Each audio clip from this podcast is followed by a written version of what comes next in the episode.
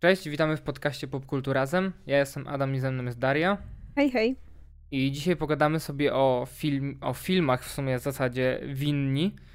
Widzieliśmy w sumie wczoraj obejrzeliśmy jeden po drugim tak naprawdę duńską i amerykańską wersję, która niedawno wyszła na Netflixie. Daria, w sumie widziałaś go, tę duńską wersję przy okazji premiery, nie? Tak, tak, jak ten film wyszedł za pierwszym razem do kin, wtedy kiedy był duńskim kandydatem do Oscara, to tak, wtedy go oglądałam. Mhm. Okej, okay, ja nie widziałem, widziałem go pierwszy raz i w sumie pomyśleliśmy sobie, już po obejrzeniu obu filmów, że fajnym byłoby pomysłem, gdybym ja najpierw obejrzał amerykańską wersję, a później obejrzał duńską wersję i mógł to porównać, a Daria byłaby tą drugą stroną, ale pomyśleliśmy to dopiero po obejrzeniu filmu, więc sobie tak trochę przepadła e, okazja. No, no niestety, więc wiadomo, że będziemy mówili troszeczkę. No, że nasza opinia będzie w pewien sposób. Będzie miało wpływ na to, to, że jako pierwszy widzieliśmy właśnie ten duński pierwowzór. I wiadomo, że przez to troszeczkę inaczej patrzy się na tę wersję amerykańską, bo tutaj mamy do czynienia z remake'iem. I jest to remake bardzo wierny. To znaczy, tak naprawdę, jeśli obejrzy się dowolną wersję, to wiemy dokładnie, co dzieje się w drugiej. Bo tutaj tak naprawdę żadnych zmian nie wprowadzono, jakby one były na tyle kosmetyczne, że nie wpływa to w dużej mierze na to, co się dzieje. Więc tak naprawdę mamy tutaj do czynienia z tą samą historią, tylko stworzoną, jakby odegraną przez innych aktorów i odegraną w innym języku. I, I to jest wszystko. Znaczy, później pewnie jeszcze też powiemy o tym, e, jakie tam drobne różnice się pojawiły. No, i też uprzedzamy, że no to jest taki film, w którym lepiej wystrzegać się spoilerów, bo no już w sumie opis Netflixowy troszeczkę zdradza, że tam jest taki jeden twist, który mocno zmienia cały wydźwięk y, tej produkcji. Więc no jeśli nie widzieliście ani jednej, ani drugiej, no to raczej nie radzimy wam słuchać, czego, co będziemy mówić dalej. Radzimy raczej y, wrócić y, do nas już po seansie. Obojętnie której wersji, ale mi się wydaje, że jednak bardziej polecam tę pierwszą. Znaczy, no to prawda, bardziej polecam. Ja też bym bardziej polecił tą pierwszą, ale wiadomo, że do tej amerykańskiej jest lepszy dostęp, bo jest na Netflixie. Tą duńską niestety trzeba szukać po różnych innych serwisach. Tak, ona jest raczej do, do wypożyczenia. No, Na dokładnie. przykład chyba w serwisie Nowych Horyzontów można ją pożyczyć. Ale warto. Na pewno. E, nawet jeśli obejrzeliście tę Netflixową, to może warto tamtą obejrzeć w ramach ciekawostki. E, ale no dobrze. Teraz e, porozmawiamy sobie o filmach. A później myślę, że na końcu porozmawiamy sobie też ogólnie troszeczkę o, o tej, tym ciekawym zjawisku remakeowania y, przez Amerykanów y, filmów y, nie tyle europejskich, co, co nieanglojęzycznych. Więc na pewno zaznaczymy to jako taki timestamp. Więc jeśli ktoś właśnie nie widział, a chce chociaż o tym posłuchać, to będzie mógł wrócić. To zacznijmy. O czym generalnie jest ten film? No to film skupia się na postaci naszego bohatera. Tutaj w amerykańskiej wersji Jake'a Gyllenhaala, w duńskiej, kojarzysz jak on się nazywa ten aktor? Ja też nie pamiętam, ale obserwujemy to z jego perspektywy, cały film jest z jego perspektywy. On siedzi na w pomieszczeniu, gdzie przyjmuje się telefony od numeru alarmowego i w pewnym momencie dostaje telefon od kobiety, która została porwana. I jakby z tą historią zostajemy już w sumie do samego końca filmu. On próbuje jej pomóc, próbuje ją namierzyć, e, ona mu jakby podpowiada, czyli próbuje z niej wydobyć informację, gdzie ona jest, e, gdzie się, gdzie się znajduje, tak, e, kto jest z nią, czy oprawca ma broń, takie różne wiadomo rzeczy. I właśnie, to jest taki film, który się dzieje cały w jednym pomieszczeniu. Mamy, to jest kino jednego aktora, jedno pomieszczenie i na tym bazuje cały film, cały klimat się buduje przez dialogi. Tak, i też Ciekawe jest to, że ta kobieta, z którą on rozmawia, jest tylko głosem. W sensie my nigdy nie mamy okazji w ogóle jej zobaczyć. Nie ma żadnej sceny z jej perspektywy. Wszystko, co wiemy na temat jej i na temat jej sytuacji, to jest to, co bohater słyszy w słuchawce. Więc tak naprawdę my przez te półtorej godziny, niecałe, tak naprawdę no, jesteśmy w jego butach, no nie? Bo my siedzimy i wiemy ty, dosłownie tyle samo, co on. I to jest bardzo fajne rozwiązanie, moim zdaniem. I ten film, w sensie, jak byś określił ten film jako gatunek? W sensie, czy ty byś określił, że to jest thriller? Tak, zdecydowanie thriller, no. Ja ostatnio nawet podczas seansu gdzieś tam przy końcu już nawet mówiłem Dari, że no, to taki thriller psychologiczny nawet bym powiedział, że moja mama lubi takie filmy, na pewno jej go polecę. E, tak, właśnie ja też bym powiedziała, że to jest przede wszystkim, że to nie jest dramat, to jest przede wszystkim thriller. I, i nie wiem, jak to u ciebie działało, ale y, ja pamiętam, że już jak za pierwszym razem oglądałam ten film w oryginalnej wersji, to on naprawdę bardzo dobrze pod względem tego budowania napięcia działał i ja faktycznie, siedząc wtedy na tej sali kinowej, czułam, że i ja, i wszyscy ludzie dookoła byli strasznie spięci w trakcie oglądania tego. Zwłaszcza już pod koniec, kiedy zaczyna nam y, wychodzić, y, co tam się naprawdę dzieje. Że jakby ludzie siedzieli i faktycznie byli pochłonięci tą sprawą i odczuwali taki sam stres jak bohater. I właśnie mm, wiem, że jak oglądałam ten film w wersji amerykańskiej, czyli tej zremakeowanej, to już aż tak tego nie odczuwałam. I właśnie zastanawiam się, na ile to jest y, kwestia tego, jak zostało to odegrane tej nowej wersji, a na ile jest to po prostu kwestia tego, że ja już po prostu wiedziałam, co się wydarzy. I jakby, jak to u ciebie zadziałało? Czy ty oglądając wczoraj tę wersję Netflixową, czułeś nadal to napięcie, czy już trochę to opadło, bo wiedziałeś, jak się skończy? To ja czułem to napięcie na pewno, ale trzeba na pewno powiedzieć, że kompletnie, czyli może nie kompletnie, ale na pewno inaczej jest grany główny bohater. Bo w duńskiej wersji jest tak, że film jest taki bardzo stonowany, ciemny. Wszystko jest właśnie takie skryte w mroku, jest spokojnie. Mam wrażenie, że ten bohater nie jest tak impulsywny, jak ten grany przez Jake'a Gyllenhaala. Tak, wiesz co? Ja już chyba ci o tym powiedziałam w trakcie seansu tego drugiego filmu, że ja się czułam strasznie dziwnie w momencie, kiedy już mamy jakby te pierwsze rozmowy jeszcze zanim zadzwoni y, ta bohaterka. Ona w tym amerykańskiej wersji nazywa Emily, o ile dobrze, dobrze pamiętam. I jakby, jakby w tych poprzednich rozmowach bohatera z innymi tam osobami, które dzwonią na, na ten numer 911, ja czułam, że on właśnie mówi w zupełnie inny sposób, że on mówi bardziej szybko, bardziej impulsywnie, bo jakby istotną kwestią jest to, że jakby ten bohater też jest ważny, bo ten bohater też skrywa w sobie jakąś głębię, pomimo tego, że mogłoby się wydawać, że no okej, okay, chłopak siedzi sobie przez ileś czasu i rozmawia po prostu przez telefon. Nie dowiemy się o nim zbyt wiele, ale no to nie jest prawda, bo on y, jest też człowiekiem po jakimś przejściu, y, po jakiejś sytuacji, która go w pewien sposób straumatyzowała i która też sprawiła, że on stał, y, jakby zjawił się w tym miejscu, bo on normalnie pracuje jako policjant, a tu można powiedzieć, że został zdegradowany do pozycji dyspozytora numeru alarmowego.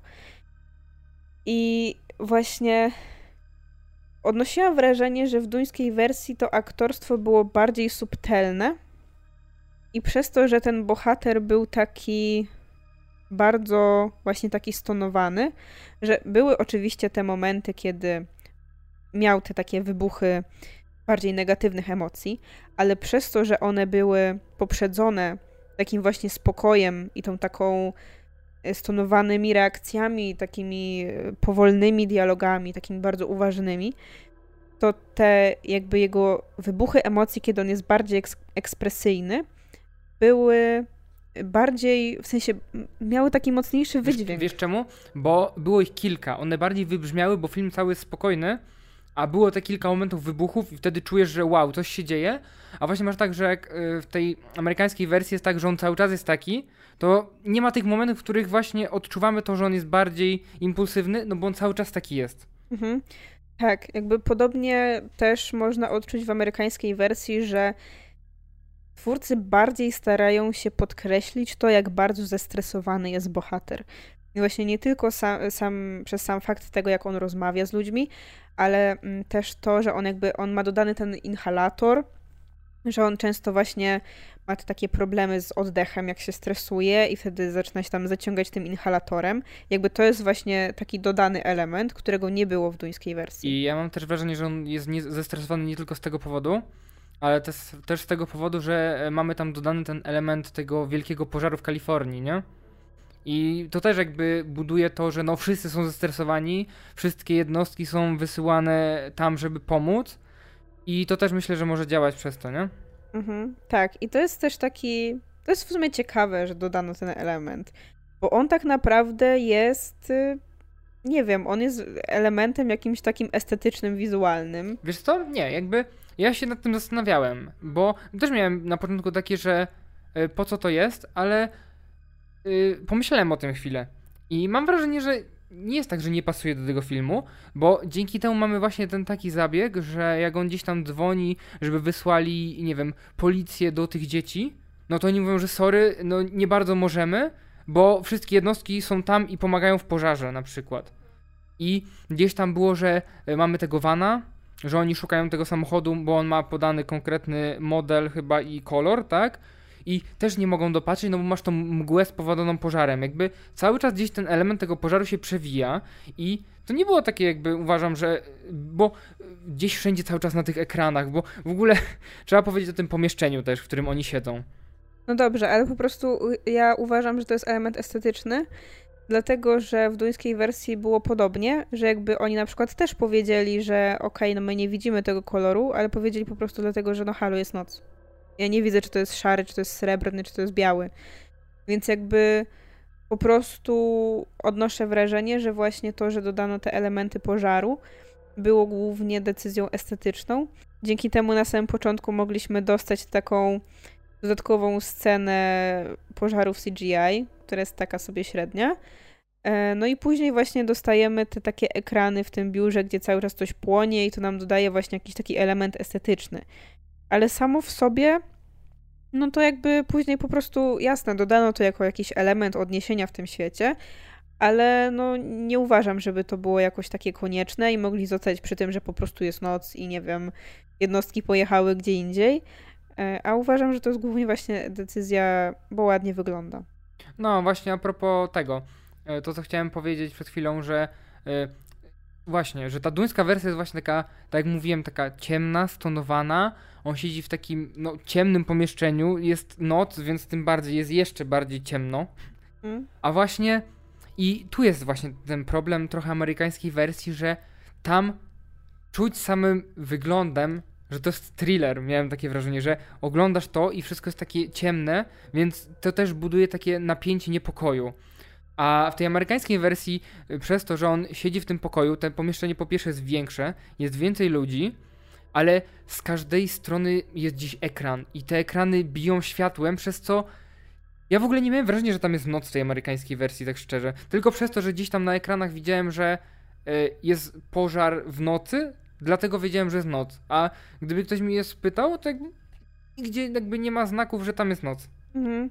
Tak, jakby sama scenografia, sama budowa jakby tego biura, czy jeśli można to tak nazwać, w duńskiej wersji sprawia, że atmosfera jest bardziej klaustrofobiczna.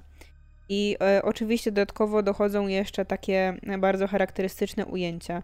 Jest bardzo dużo ujęć na twarz. I w amerykańskiej wersji one również się pojawiają i fajnie, i one wyglądają ładnie i dodają do klimatu sporo, ale właśnie no to biuro w wersji amerykańskiej jest zdecydowanie zbyt takie jasne, zbyt takie przestronne, zbyt dużo jest tych świateł, tych szkieł, tego wszystkiego. a właśnie w tej wersji e, duńskiej to widać bardziej. Dodatkowo jest jeszcze e, ten taki moment, którym nasz bohater e, stwierdza, że jakby ta sprawa jest już na tyle istotna, że on chce po prostu w pełni się temu poświęcić, więc przechodzi do drugiego pokoju, który jest zupełnie pusty. I tam są też te komputery i te, i te telefony, ale nie ma innych ludzi w tej części biura. Więc on się tam przenosi e, i on zasłania te takie szyby, które oddzielają ten pokój od tamtego pokoju, gdzie jest reszta ludzi, gdzie wcześniej siedział. Przez co w duńskiej wersji robi się naprawdę bardzo ciemno. Więc mamy już tak, ciemny pokój, faceta w ciemnym ubraniu i jakby tak naprawdę widzimy tylko jego twarz i troszeczkę światła z komputera. I to jest wszystko. I on po prostu siedzi w takim ciemnym pomieszczeniu i rozmawia. I czujemy, że to już jest ten moment, kiedy będzie mięcho, i to już będzie ten moment, kiedy mamy się stresować, bo już coś się rozwiązuje.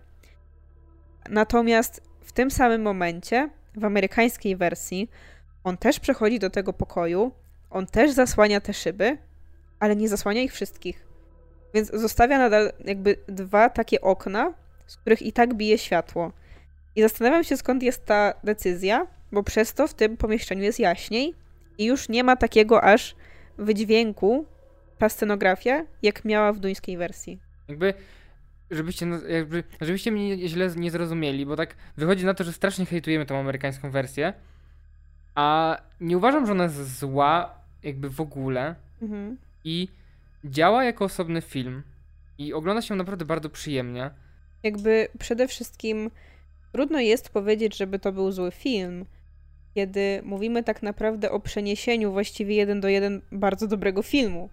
Jakby nie wiem, co trzeba byłoby zrobić, jakiego fikołka odstawić, żeby zepsuć ten film, no nie? Tym bardziej, że zatrudnili do tego też bardzo dobrego aktora, który no udźwignął bardzo dobrze tą rolę i ogląda się go niesamowicie na ekranie. Mhm. No i troszeczkę od siebie na pewno do niej dodał, no nie? To, to fakt. A właśnie, a propos wartości dodanej do tego aktora, bo to jest ciekawa sprawa.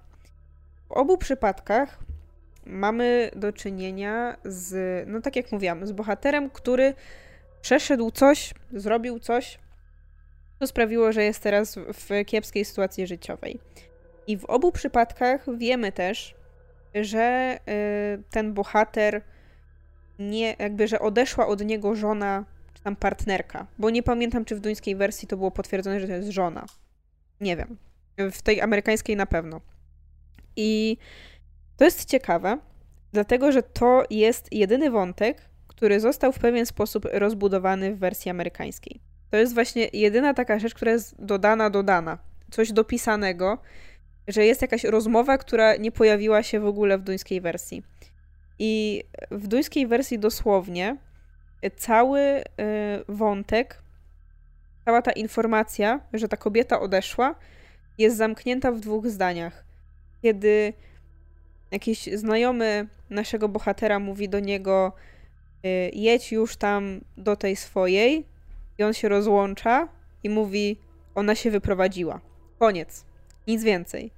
Natomiast w wersji amerykańskiej mamy dodatkowo jeszcze cały ten wątek, kiedy on dzwoni do niej i chce porozmawiać, i potem rozmawia, i że oni mają dziecko, i że on chce do tego dziecka coś tam pogadać. I jakby jestem ciekawa, po co.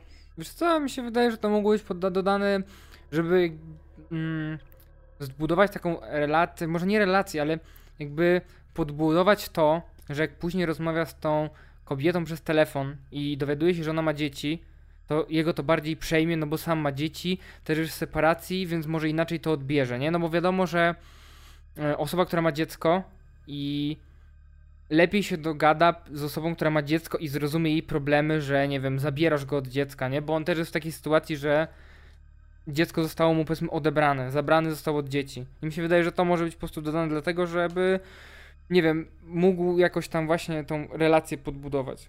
Czyli żeby widz po prostu bardziej współczuł typkowi. No, dokładnie. Mi się wydaje, że to tylko po to było. Znaczy tylko. Tylko albo aż w sumie. No kubam. Ale jakby podobało mi się w wersji duńskiej właśnie ta subtelność. W sensie, że jakby to jest dosłownie jedno zdanie, które no z jednej strony wiadomo, ma swoje minusy, bo tak naprawdę może być tak, że nie wiem, odwrócisz wzrok i nie zauważysz go i jakby pominiesz y, przez to cały wątek, jakby gdzieś ci ucieknie. Ale z drugiej strony właśnie moim zdaniem bardzo fajnie to zagrało. Że to była taka malutka wzmianka i nie potrzebowałam całego rozbudowania. Ale okej, okay. Jestem w stanie zrozumieć y, jakby z czego wynika ta decyzja. I, I to jest właśnie w sumie dla mnie też ciekawe, że to jest jedyna taka rzecz, która faktycznie oni stwierdzili, że okej, okay, to trzeba to trzeba tu dodać. I jeszcze właśnie dodać mu dziecko. Bo w duńskiej wersji nie miał dziecka w ogóle, jakby nie było wzmianki o tym. Więc ciekawe. Nie no, jest jeszcze jedna rzecz dodana, która, ale, nam się, która nam się nie podobała. Ale żeby o tym powiedzieć, to musimy troszeczkę bardziej wgłębić się chyba w fabułę, no nie? Nie. Nie, nie. Bo chodzi ci o sam koniec? Nie. Nie? Nie. Chodzi nie? mi o coś jeszcze. O co? E, e, a propos właśnie tego, że mm, jest to kino jednego bohatera i jednego pomieszczenia, Wiem. to w duńskiej wersji jest tak, że wszystko, dosłownie wszystko jest w tym pomieszczeniu odbywało. że wszystko w tym jednym pomieszczeniu się odbywa. Nie wychodzimy poza, nie mamy żadnych ekranów spoza e, tego biura, jak to nazwałaś już. No jakby świat nie istnieje tak, poza jakby nim. świat poza tym nie istnieje, wszystko jest zamknięte w tym i wszystko dowiadujemy się z telefonów. I jakaś dziwna, kreatywna decyzja zaszła w głowie nie wiem kogo w amerykańskiej wersji i jest to jeszcze dziwniejsze, że to jest tylko w jednej scenie. Tak, to jest najdziwniejsze. I to jest w momencie, gdy e, właśnie, jak już rozmawiałem o tym wanie i poszukiwaniu tego wana, to w pewnym momencie jest tak, że znajdują wana i policja go zatrzymuje i sprawdzają, co, co jest w tym wanie. I coś tam dziwnego zaszło, że nagle tylko w tym jednym momencie Nigdzie wcześniej, ani nigdzie później w tym filmie tego nie ma. To dlatego właśnie jeszcze dziwniejsze dla mnie. Mamy przebitki na to, jak policja podjeżdża do tego wana, wysiadają z auta i jakby przeszukują tego wana. I nie rozumiem po co to było. To jest najbardziej zbędna sekwencja w tym filmie. Tak, zwłaszcza, że jest niekonsekwentna. Bo jakby równie dobrze mogli później faktycznie dodać, że okej, okay, na przykład zatrzymują inny samochód, to pokazują potem, jak dojeżdżają do tej babki pod koniec, to pokazują ją, ale oni tego nie zrobili.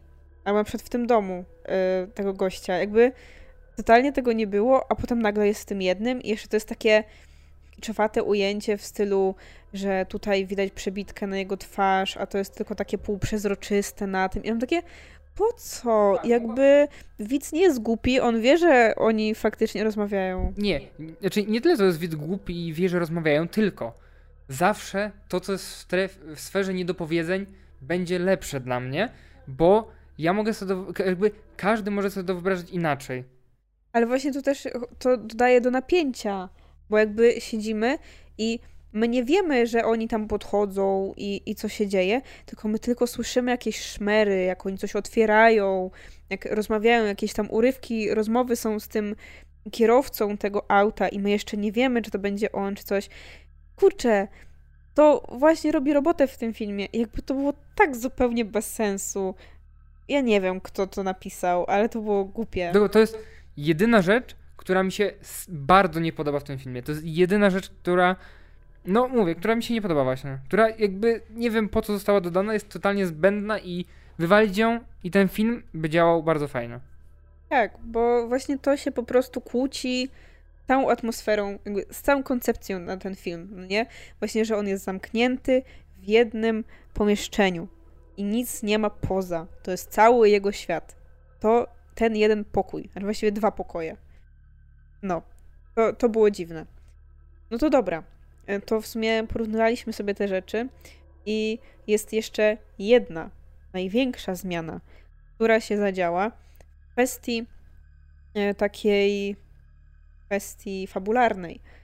To mnie zdziwiło, ale właśnie, żeby powiedzieć o tym, no to musimy chyba troszeczkę pogłębić tę sprawę. No to no, weź głębiej spoilerem, bo w sumie do tej pory nie mówiliśmy za bardzo o spoilerach, tak udało nam się to ominąć. No wiem, ale no i tak lepiej nie słuchać tego, jeśli się nie oglądało. No to tak, generalnie e, ten nasz główny bohater e, rozmawia sobie z kobietą.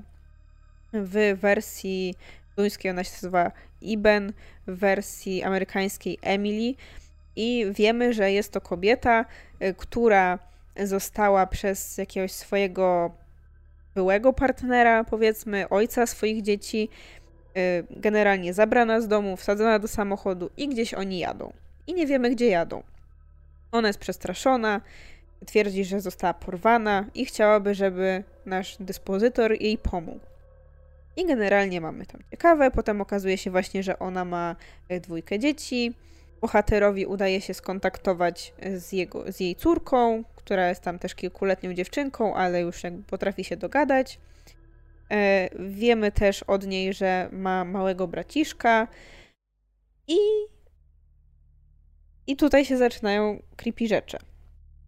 Bo w pewnym momencie nasz y, policjant stwierdza, że okej, okay, y, to dziecko, y, te dzieci, żeby zapewnić im bezpieczeństwo, warto wysłać tam patrol policji.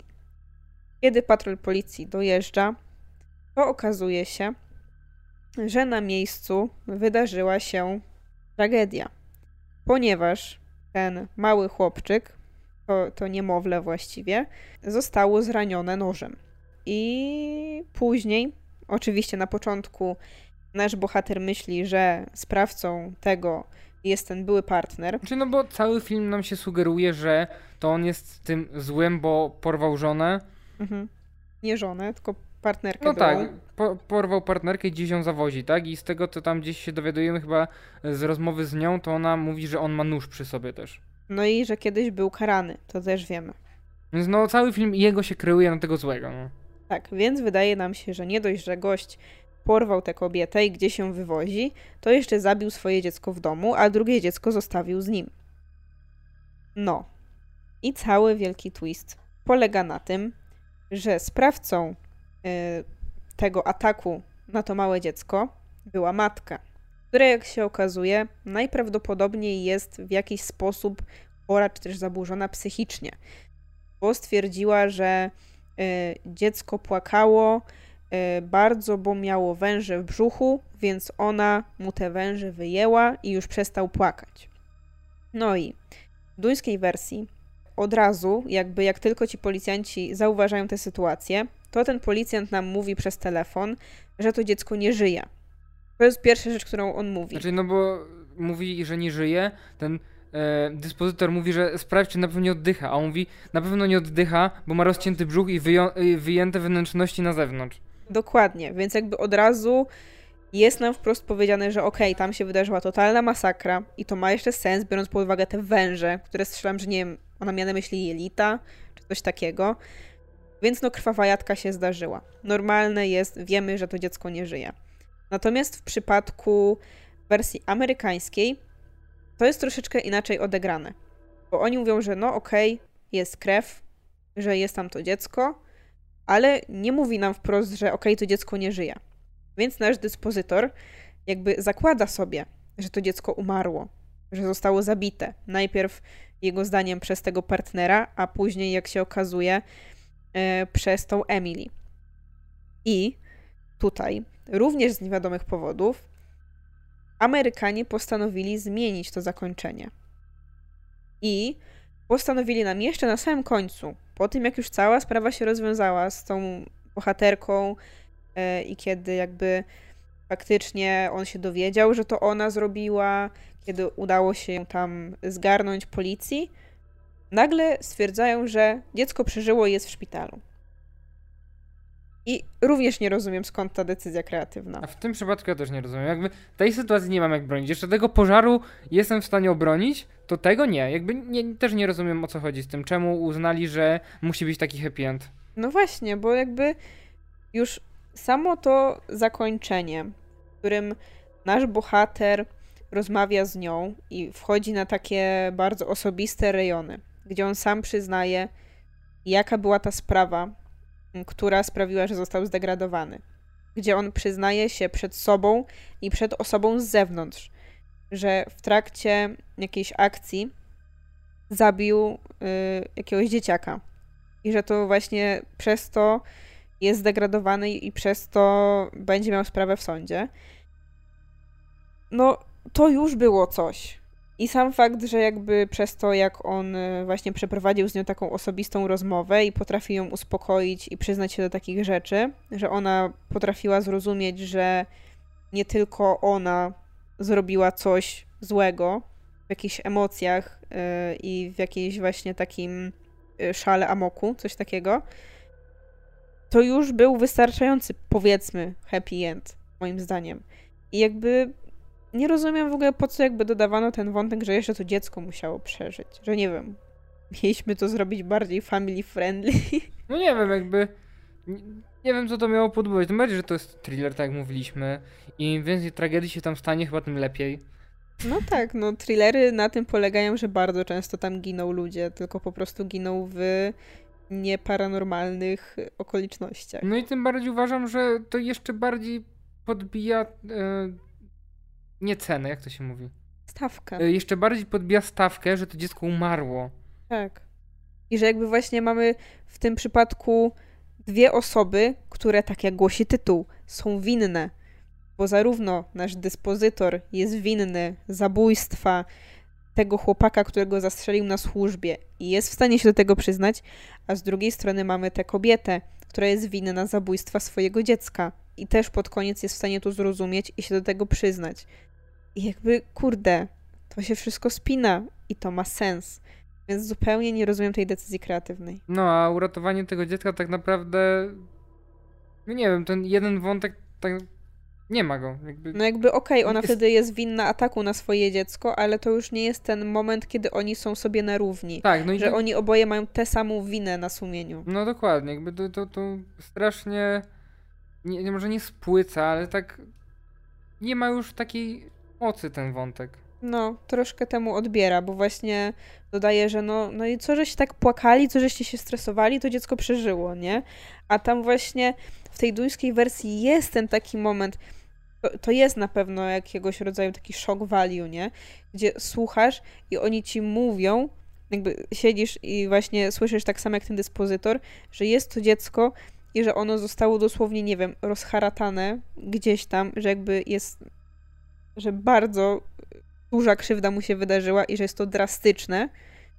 Owszem, ale, ale to dodaje dużo. I jakby właśnie też dodaje do tego napięcia, które ja naprawdę w tym duńskim filmie odczuwałam. I jakby w tym momencie jakby, to tam też on jakby zakłada, sam zakłada, że to dziecko nie żyje i dlatego się wkurza na tego gościa i mu wygarnia wszystko przez telefon. Mhm. A gdy w duńskiej wersji się dowiaduje, że to dziecko nie żyje, zostało zno, zamordowane brutalnie, to tym bardziej rozumiem go, że on może być zły na tego gościa. Tak, a jakby właśnie to też zmienia troszeczkę, no bo jednak w tej duńskiej wersji on właśnie jeszcze mówi temu gościowi, że sprawdź, czy to dziecko oddycha, sprawdź, czy coś tam. Właśnie, że on nie jest takim człowiekiem, który od razu sobie zakłada coś, tylko jeszcze właśnie chce potwierdzenia. Mówi, że masz podejść, masz sprawdzić, czy oddycha, no nie? A tutaj jest tak, że oni mówią, że e, no nie żyje i on takie, o dobra, no to na pewno. Jakby bez właśnie tego, tych próśb o to, żeby potwierdził i od razu właśnie zakłada, okej, okay, to teraz dzwonię do ciebie, typie i wygarnę ci, że to ty zrobiłeś i to jest wszystko twoja wina. Więc no, to troszeczkę, jakby to jest niby taki szczegół. Ale sporo zmienia, bardzo no, dużo w odbiorze. Tak, i właśnie zastanawiam się, jakby z czego wynikał ten pomysł, nie? Że jakby cały film nie zmieniamy właściwie nic, a tu nagle taki szczegół jednak stwierdzamy, że musimy zmodyfikować. Nie wiem, jestem bardzo ciekawa, czy ktoś w ogóle się wypowiedział na ten temat, jakby skąd ta zmiana, bo, hmm. bo to jest ciekawe. Jest jeszcze jedna rzecz, o której e, warto wspomnieć, bo oglądając duńską wersję, ja miałem wrażenie, że film dzieje się przez te półtorej godziny. Jakby czas filmu i czas rzeczywisty jest oddany jeden do jeden. Bo nie mamy ogólnie takich przeskoków, nie? Tak, jakby równie dobrze mogłoby to nagrać jednym ujęciem i no. też by było, e, jakby odczułbym to samo, a nagle gdzieś w amerykańskiej wersji próbuje nam się wmówić, że cała ta akcja trwała tam 4 godziny, bo, bo nasz bohater często zerka na telefon i widzimy godzinę, więc gdzieś tam na początku filmu jest chwilę po drugiej, a pod koniec filmu jest po szóstej. I ja miałem takie, kiedy mi niby miały minąć te 4 godziny? Jakby totalnie tego nie czuć. Jakby czemu miało minąć tyle czasu? Tak, zwłaszcza to się zaczyna nie spinać w momencie, kiedy w obu filmach jest taki moment, kiedy nasz bohater słyszy, że za 15 minut kończy pracę. I on oczywiście po tych 15 minutach postanawia zostać jeszcze. Właśnie przechodzi do tego drugiego pokoju i mówi, że on chwilę jeszcze zostanie, bo ma jakąś sprawę. I w duńskiej wersji jest tak, że no dobra, zostanę chwilę, załatwię sprawę. On załatwia tę sprawę, nie dostajemy informacji, która jest godzina. Na, I on miał chyba o drugiej w nocy, jakoś po drugiej w nocy miał kończyć. Druga 15 chyba to miała być, nie? Coś takiego. Natomiast w wersji amerykańskiej mamy takie, no tak samo, że jeszcze 15 minut i kończę, tylko zała załatwię jakąś tam sprawę y, po tych 15 minutach, stwierdza, że jednak trochę zostanie. I potem na koniec filmu mówi nam się, że jest 6 rano. Nie ma to Ale- sensu. No właśnie nie ma to sensu w kontekście tego, że dlaczego ten gościu miałby jechać ze swojego domu do tamtego punktu aż 4 godziny? No. Jakby to mi się najbardziej nie spina, bo rozumiem, że możesz jechać, nie wiem, ze swojego miasta do punktu docelowego, gdzie on jedzie w tym przypadku do zakładu, tak, zamkniętego. Mm, To powiedzmy tą godzinę, no bo nie cały film to jest jakby ta akcja, nie? Mhm. Zwłaszcza, że jakby no oni w momencie, kiedy bo jakby ten mm, partner okazuje się, że wiózł tę kobietę do szpitala psychiatrycznego, w którym ona kiedyś prze, przebywała. I oni w momencie, kiedy jakby ona udaje jej się wydostać z tego auta, to oni jeszcze nie są w samym ośrodku, ale już są blisko. Znaczy oni są praktycznie pod ośrodkiem, bo tam gdzieś na mapach nam się pokazuje, że oni są tutaj, a ten ośrodek jest tam, nie wiem, za 200-300 metrów. Nie, że on już prawie dojechał, a jej się Mhm. udało uciec. Tak. Ale jakby moim zdaniem największym problemem jest takie jakby kiedy, kiedy minęły te godziny, kiedy my cały czas śledzimy go właśnie i nie ma tych takich przeskoków, że na przykład on, nie wiem, pójdzie gdzieś i potem minie ileś czasu, albo że pójdzie pogadać z kimś i jest jakiś taki przeskok. Nie ma tego. Dodatkowe jest tylko to, że on rozmawia z tą swoją żoną, No tak. No, co trwa 5 minut. No, więc właśnie to jest właśnie dziwne, że cały czas jakby widzimy go, że on rozmawia tutaj, gdzieś tam dzwoni, coś załatwia, y, tutaj mówi y, informacje o samochodzie, tutaj dzwoni do swojego kolegi, żeby mu pomógł, tutaj dzwoni do tej żony, tutaj znowu dzwoni na policję. Nie ma momentu nawet przestoju w jego rozmowach, więc ja nie wiem, w którym momencie miałby być ten przeskok czasowy. Chyba Ja rzeczywiście gdzieś na samym końcu, że on zostaje w tym biurze na noc i dopiero rano gdzieś tam dzwoni. A, ale tego nie widać. No właśnie, nie widać tego, to jest dziwne. Więc ja, ja nie wiem, to jest jakaś strasznie dziwna nieścisłość, nie? Jakby to nie wpływa oczywiście na jakiś, nie wiem, cały odbiór filmu, ale jest po prostu dziwna. To prawda. Więc jaki jest ostateczny werdykt? Oba filmy są bardzo fajne i wydaje mi się, że niezależnie który film obejrzycie, nie powiem, że będziecie się dobrze bawić, ale oba film, filmy bardzo dobrze trzymają w napięciu. Są bardzo dobrze zrealizowane. Aktorzy sobie poradzili naprawdę bardzo, bardzo dobrze, świetnie wręcz bym powiedział. Chociaż te kreacje są odrobinkę inne i ta tej europejskiej czuć, że to jest bardziej europejskie. Właśnie, że jest bardziej stonowane, że nie potrzeba nam zbyt wielu takich wow, fajerwerków emocjonalnych. Że wystarczy raz albo dwa razy, gdzie bohater się zdenerwuje. No tak, ale oba właśnie filmy trzymają bardzo wysoki poziom. No i powiedzmy, że nie spłycają historii głównej.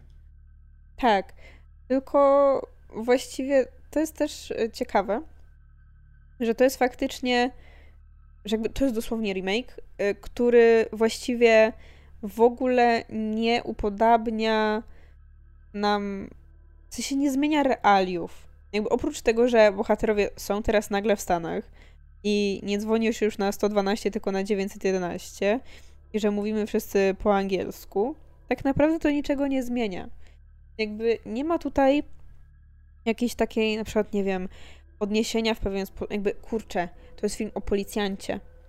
On mógłby e, coś dodać, biorąc pod uwagę, jakie są nastroje w stosunku do policji w Stanach.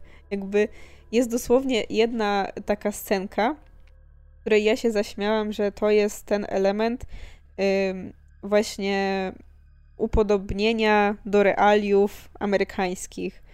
Wtedy, kiedy ten dyspozytor, policjant dzwoni, rozmawia z tą dziewczynką małą i mówi jej, że okej, okay, musisz poczekać, przyjadą panowie policjanci, posiedzą z tobą, no to w wersji duńskiej to dziecko mówi okej, okay, spoko.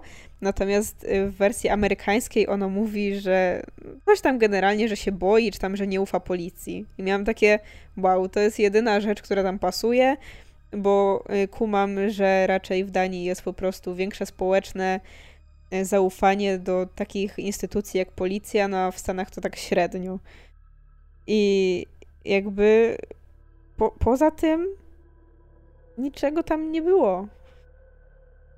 I to jest moim zdaniem e, dobry moment, żeby porozmawiać o tym ciekawym fenomenie y, tworzenia remake'ów remake'ów przez Amerykanów, produkcji nieanglojęzycznych, które zdobyły jakąś tam sławę bo to nie jest generalnie jakaś nowa rzecz. Myślę, że wcześniej głównie się o tym mówiło w kontekście horrorów, bo było sporo takich e, amerykańskich remake'ów horrorów, na przykład azjatyckich, jakichś tam japońskich, koreańskich. Hiszpańskich. No, no tak, na przykład Rek. No, ja um, się właśnie nadziałem dwa razy. W sumie raz się nadzieliśmy razem, tak. a raz się nadziałem sam, no bo chciałem obejrzeć sobie tego. Wszyscy gadali o tym Reku, no to mówię sobie obejrzę.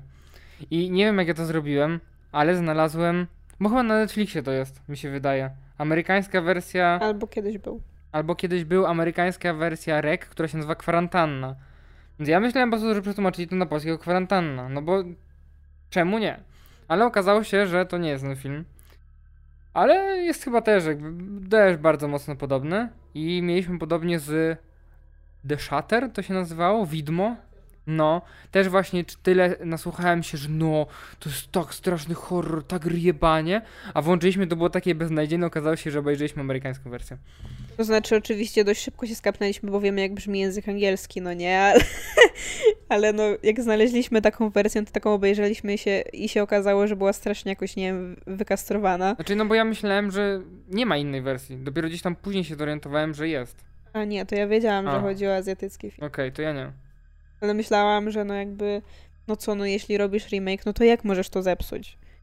I właśnie to jest dla mnie ciekawe, bo jakby oczywiście to nie jest jakby jedyny rodzaj remake'u, jaki może powstać. Bo z polskiego podwórka na przykład wiemy, że można zrobić remake, który nie jest przełożeniem jeden do jeden filmu.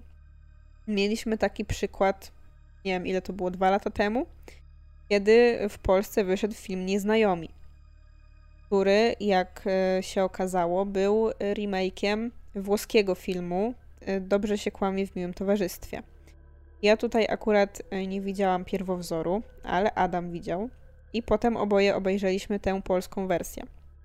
I ogólnie polska wersja jest bardzo fajnym filmem, moim zdaniem. Ale właśnie z tego, co ty mówiłeś, to ona też właśnie nie jest po prostu przełożeniem jeden do jednego jak tutaj. Tylko, że to jest film, który w pewien sposób dostosowuje tamtą historię i jakby bierze cały szkielet fabularny, ale przekłada go z realiów włoskich na realia polskie. I o ile coś takiego rozumiem, naprawdę, to mam problem z właśnie takimi remake'ami, które są po prostu wzięciem filmu i przełożeniem go jeden do jeden tylko w innym języku. Okej. Okay. Wiesz co, ja aktualnie tak. Jeż jeszcze e, rozumiałbym to, nie wiem, 20-30 lat temu, bo takie coś może miałoby sens, no bo też nie mam, nie mieliśmy wtedy dostępu do, znaczy nie mieliśmy, o, wtedy mnie jeszcze nie było, ale nie było takiego dostępu do filmów i seriali z całego świata. Teraz mamy Netflixa, Amazona, jakby mnóstwo platform, gdzie są napisy, gdzie w wielu przypadkach nawet dubbing czy lektor dodają, tak? Więc no wiadomo, że lektor czy dubbing, no też powiedzmy nie są najlepsze, ale no to jest kwestia przyzwyczajenia. To jest kwestia tego, przyzwyczajenia, tak, no i to też jest ten sam film, powiedzmy, widzimy ten sam obraz, powiedzmy, trochę in, zmieniony dźwięk. Jeszcze kiedyś jestem, byłbym w stanie to zrozumieć, że remake powstaje, no bo trzeba to dostosować do, albo po prostu ludzie, nie wiem, nie są przyzwyczajeni innych, y, innego języka i muszą obejrzeć w swoim języku. Ale aktualnie totalnie tego nie kumam. Tym bardziej tak mówię, że mamy taki dostęp do filmów i seriali z całego świata, że nie widzę sensu remakeować, no bo nie wiem, chcę sobie obejrzeć winnych, włączam sobie, mam napisy, dubbing, cokolwiek mogę sobie uruchomić pewnie, czy lektor. Mhm. Myślę, że taniej by wyszło nawet właśnie zrobić ten lektor i podłożyć i można sobie wybrać, niż robić remake. Ja nie, nie kumam totalnie remakeowania rzeczy. Mhm. Jakby właśnie ja się zastanawiam, bo to jest praktyka, która jest tak na wskroś amerykańska, no nie? I jakby to właśnie też nie jest nowa rzecz, bo ja pamiętam, mm, jak czytałam sobie a propos Funny Games, bo jak dobrze wiemy, Funny Games jest filmem e, Haneke, Hanekego, który jest Austriakiem. I on e, postanowił zagrać troszeczkę na nosie Amerykanom i po prostu równocześnie zrobił swój film w wersji amerykańskiej i w wersji austriackiej. Bo stwierdził, że on wypuści go od razu, bo i tak wie, że będą robili remake, bo nie będą chcieli obejrzeć filmu po niemiecku. Tak, i właśnie ja cały czas się zastanawiam, z czego to wynika. Bo ostatnio też na Twitterze yy, napotkałam yy, osobę. Jakby jedna osoba zapytała, po co właściwie robić taki remake że jakby widzi, że e, Amerykanie mają taką tendencję, że jak widzą na przykład, nie wiem, jakiś film właśnie skandynawski, który zdobył jakiś tam rozgłos, ale nie jest jakiś też tam turbo popularny, no bo tutaj no faktycznie ma jakiś tam rozgłos, był y, kandydatem do Oscara. I wtedy biorą sobie ten film zazwyczaj i sobie go przekładają na swój język. No i ktoś odpisał, że opcje mogą być różne. No i że opcja może być na przykład taka, że oni muszą sobie go przełożyć na swoje realia, bo nie zrozumieliby, co tam nam, Europejczykom, siedzi w głowie. No i takie coś bym zrozumiała, bo to jest coś w stylu nieznajomych na przykład. Ale w przypadku winnych to nie ma żadnego sensu. A wiesz co, ja mam kompletnie inaczej.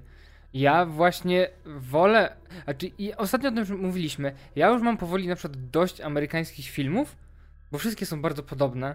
Mm. Ale właśnie bardzo lubię oglądać właśnie albo kino europejskie, ostatnio to mówiłem, że bardzo chętnie pooglądam jakieś dobre filmy europejskie, albo tak, albo kino azjatyckie, bo to jest coś innego, coś czego nie znam, coś nowego, czego nie wiem. Właśnie mogę się dowiedzieć realiów jakby kulturowych albo czegokolwiek z innego kraju, jak to wygląda, działa w innym kraju. I to jest właśnie ciekawe i to jest jeszcze dodatkowo Poza tym całym pewnie nawet reżyser nie ma tego na myśli, ale dla mnie jako osoby z innego kraju, tak, albo kręgu kulturowego, jest totalnie inaczej pewnie też odbieram ten film niż powinienem, niż pewnie reżyser miał to w zamyśle. Mhm. Tak. I, I właśnie jakby ja nie lubię takiego, wiesz, e, arbitralnego zakładania, że o ci głupi Amerykanie, bo oni to nie umieją czytać napisów, bo oni to ten, ale się zastanawiam, czy nie wiem, czy to faktycznie jest tak, że Amerykanie mają taką swoją zamkniętą strefę komfortu, gdzie generalnie tak bardzo są przyzwyczajeni do tej swojej popkultury i swojej kinematografii, że wszystko jakby wolą oglądać i nie tylko w swoim języku, ale właśnie w takiej formule hollywoodzkiej, która jest im znana. Wiesz co, mi się wydaje, że to już jest tak głęboko u nich zakorzenione, że może się nawet zdarzyć tak, że oni nie znają innych filmów i nie widzą świata poza swoimi stanami, no bo to jest też duży kraj. I po prostu to jest taki właśnie zamknięty krąg, że nie oglądają, bo cały czas robi się im remake'i, to po co mają oglądać? Tak, no to może tak być. Zwłaszcza, że jakby no, Hollywood to jest jednak jedno z takich największych miejsc, które tworzy najwięcej filmów. Jakby, no, oprócz tego mamy co Bollywood, no ale to dla nas jest już w ogóle obcy kulturowo.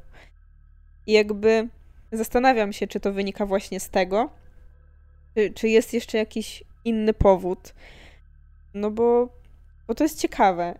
I jakby jednym takim plusem tego, jak, jak wyszli teraz winni, to jest jakby fakt, że oprócz tego, że mówi się o tym filmie i że faktycznie on jest popularny i na tym Netflixie jest wysoko w rankingach, to też fakt, że od samego początku, przynajmniej w Polsce, marketing tego filmu jest taki, że zawsze wspomina się, że to jest remake. A z drugiej strony masz taki problem, jak na przykład ja mam często, że wpisujesz sobie, o, ktoś ci poleca film Winni. Wpisujesz sobie Winni i co ci pierwsze wyskoczy? Netflix.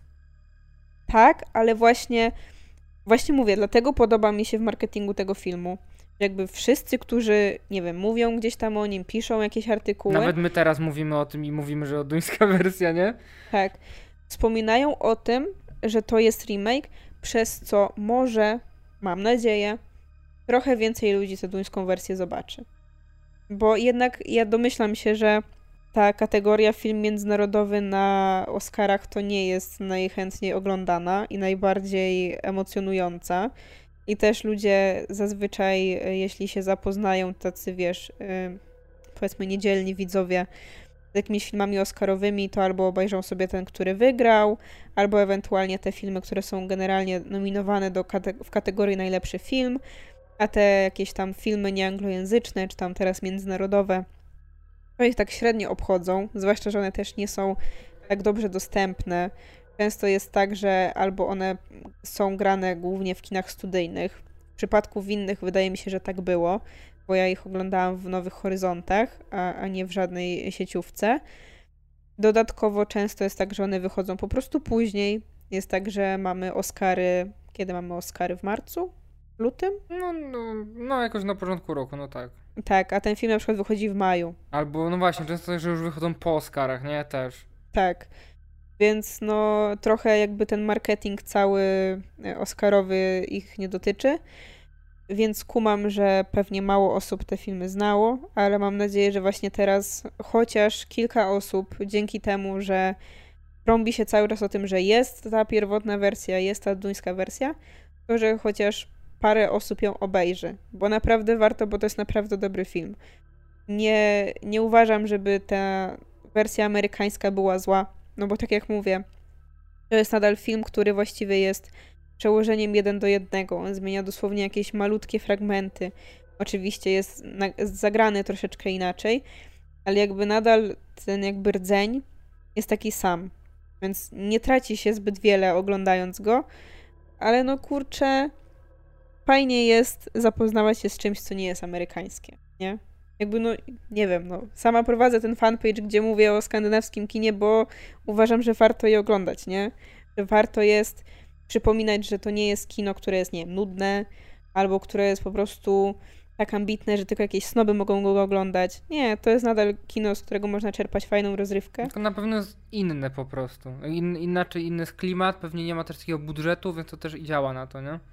Tak, no i trzeba przeskoczyć właśnie tę barierę, że nawet jak znasz ten angielski, to inaczej się trochę ogląda filmy, nie? Bo możesz sobie, nie wiem, odwrócić głowę i słyszysz coś i rozumiesz, a tutaj jednak jak masz do czynienia z językiem, którego kompletnie nie znasz, to musisz siedzieć skupiony i musisz no i, czytać te napisy. No i musisz ufać tłumaczowi, że dobrze przetłumaczy. No tak. Bo często się zdarza, no może nie często, ale zdarza się tak, że gdzieś tam nawet jak oglądamy coś po angielsku i widzimy napisy, to czasami nam coś się, coś czasami zgrzyta, nie? No, czasem tak, więc no, jest to jakaś taka bariera do przeskoczenia, ale, ale warto trochę wychodzić właśnie z tej strefy komfortu. Może Amerykanie też kiedyś z niej wyjdą. Dla mnie jest remake'ów plus taki, że dzięki temu dowiaduję się o tych mniejszych filmach. tak jak na przykład właśnie w przypadku winnych. Wątpię, żebym kiedykolwiek obejrzał ten film, gdyby teraz nie wyszedł remake. No bo czemu mielibyśmy obejrzeć? Czy przypomniałabyś sobie po takim czasie, że ten film chcesz obejrzeć jeszcze raz? Tak, bo był zarąbisty, okay. mi się bardzo podobał. No dobra, no ale w wielu przypadkach mam tak, że gdzieś tam wychodzi remake i się słyszy, że to jest remake tego filmu, więc gdzieś tam pewnie jest grupka osób, która okej, okay, wychodzi remake, to może sobie przypomnę e, oryginał. Ewentualnie ja wolę bardziej na przykład sequele po latach. Mhm. Okej, okay, no tutaj nie ma no, jak. No nie, ale właśnie chodzi mi o to, że remake nie, ale sequel po latach lubię, bo jakby to zachęca ludzi do obejrzenia poprzedniej wersji. To jest bardzo, y, o wiele lepsze dla mnie. Mhm. Jakby wiadomo, że nie każdego filmu da się zrobić sequel po latach, no. ale no, to jest dla mnie lepsze rozwiązanie. Tak, więc mam nadzieję, że nawet jeśli te kolejne remake będą powstawać, wydaje mi się, że już w przypadku właśnie takich znanych filmów skandynawskich, to kojarzę, że przynajmniej jeszcze jeden taki miał wychodzić. A, wiem. Y... A na Rauszu nie ma mieć? Może, ale jeszcze był taki islandzki film, y... nazywał Kobieta w ogniu? Nie. No wiem, o którym mówisz. No chyba Kobieta w ogniu to Ten była. o takiej e, kobiecie, która jest e, ekologiczną aktywistką. On też już ma mieć e, remake amerykański. Więc no, mam nadzieję, że przynajmniej e, jedyną taką rzeczą, która się zachowa przy tej praktyce, to to, że będziemy wspominać, jaki jest pierwowzór. No to warto, bo to rzeczywiście może jest szansa, że rozpromuje ten oryginalny film, nie? Bo w przypadku... Tak, bo no, największym problemem moim zdaniem jest to, że istnieją takie filmy, które są remake'ami, a my nawet o tym nie wiemy, bo my jakby ta amerykańska wersja tak go przyćmiła i tak zapomniano już o tym, że, że tam była jakaś pierwotna, że po prostu no to znika. Ja się zastanawiam, czy na przykład przy okazji nieznajomych ludzie mówili o tym, że to jest remake tej włoskiej wersji, bo gdzieś tam na przykład w mojej bańce tak, ale czy ogólnie się o tym mówiło? Też w sumie ciekawe. Nie wiem, czy na przykład zwiastuny cokolwiek na ten temat mówiły, bo wiem, że na pewno no, w tych takich kręgach gdzieś tam internetowych e, ludzi, którzy się interesują filmami, na pewno o tym wspominano. Tylko, no tylko tutaj właśnie też było takie ciekawe, że jakby była ogólna niechęć w tej kwestii, nie? I Mhm. to, to też jest, jest ciekawe. Ale ogólnie mam wrażenie, że jest, niby jest ta niechęć do tych remake'ów, i tak ludzie to oglądają. O, A w przynajmniej, przypadku nieznajomych warto. no akurat to, to prawda, to jest jeden z takich fajniejszych. Miodowe lata też warto, bo są bardzo dobrym remake'em. Ale to jest akurat ten jeden z przypadków, kiedy oryginał, znaczy oryginał został zapomniany, bo ludzie się dowiadują po latach, że to jest faktycznie e, remake i są w szoku. Jakby ja też jak się dowiedziałam, to byłam I w to szoku. jest ciekawe, bo tam też są odcinki 1 do 1 praktycznie. Ale jednak jest y, no sporo, jest spore odbicie w miodowych latach naszych realiów. Chociaż faktycznie, jak kiedyś sobie czytałam jakieś takie właśnie wypowiedzi, które pokazują, jakie elementy tam są właśnie typowo amerykańskie, przeniesione jeden do jeden i jednak się nie spikają polskimi realiami. Ty mówisz o miodowych latach, a miodowe lata nie są brytyjskie? Amerykańskie są? Tak, Okej, mi się wydawało, że są brytyjskie. nie. I właśnie y, ktoś tam kiedyś zwrócił w internecie uwagę na to, że istnieje tam parę takich elementów, które bardziej pasują właśnie do takiej Ameryki lat takich, nie wiem, 50., coś takiego. Czy na przykład tak jak w WandaVision, ten pierwszy odcinek, jakby pokazują trochę takie typowe życie, że no kobieta to siedzi w domu, a chłop coś tam. I że to trochę nie, nie pasuje jednak do tych polskich realiów z tych czasów, gdzie on jest osadzony. Więc faktycznie takie rzeczy są, ale jakby ta otoczka i te takie dodatki właśnie typowo polskie na tyle dobrze wychodzą, że to działa. No. I tak, tak trzeba robić remake'i. Ale nie zapominać przy okazji, że jest pierwowzór. Dokładnie. To chyba tyle. Wy- Wyczerpaliśmy temat. Ło! Nawet dwa tematy wyczerpaliśmy tym razem. My to jesteśmy. no. To dziękujemy wam- za uwagę. Mnie możecie znaleźć wszędzie w internecie pod nickiem Adaś Alex. Tak, a jeśli bardziej interesuje Was kino skandynawskie, to możecie zajrzeć na mój facebookowy fanpage Ocieplanie wizerunku Skandynawii, gdzie czasem sobie piszę o skandynawskim kinie, ostatnio niestety rzadziej, albo na mojego książkowego Instagrama Daria Podłoga OWS. I do usłyszenia następnym razem. Cześć. Pa, pa.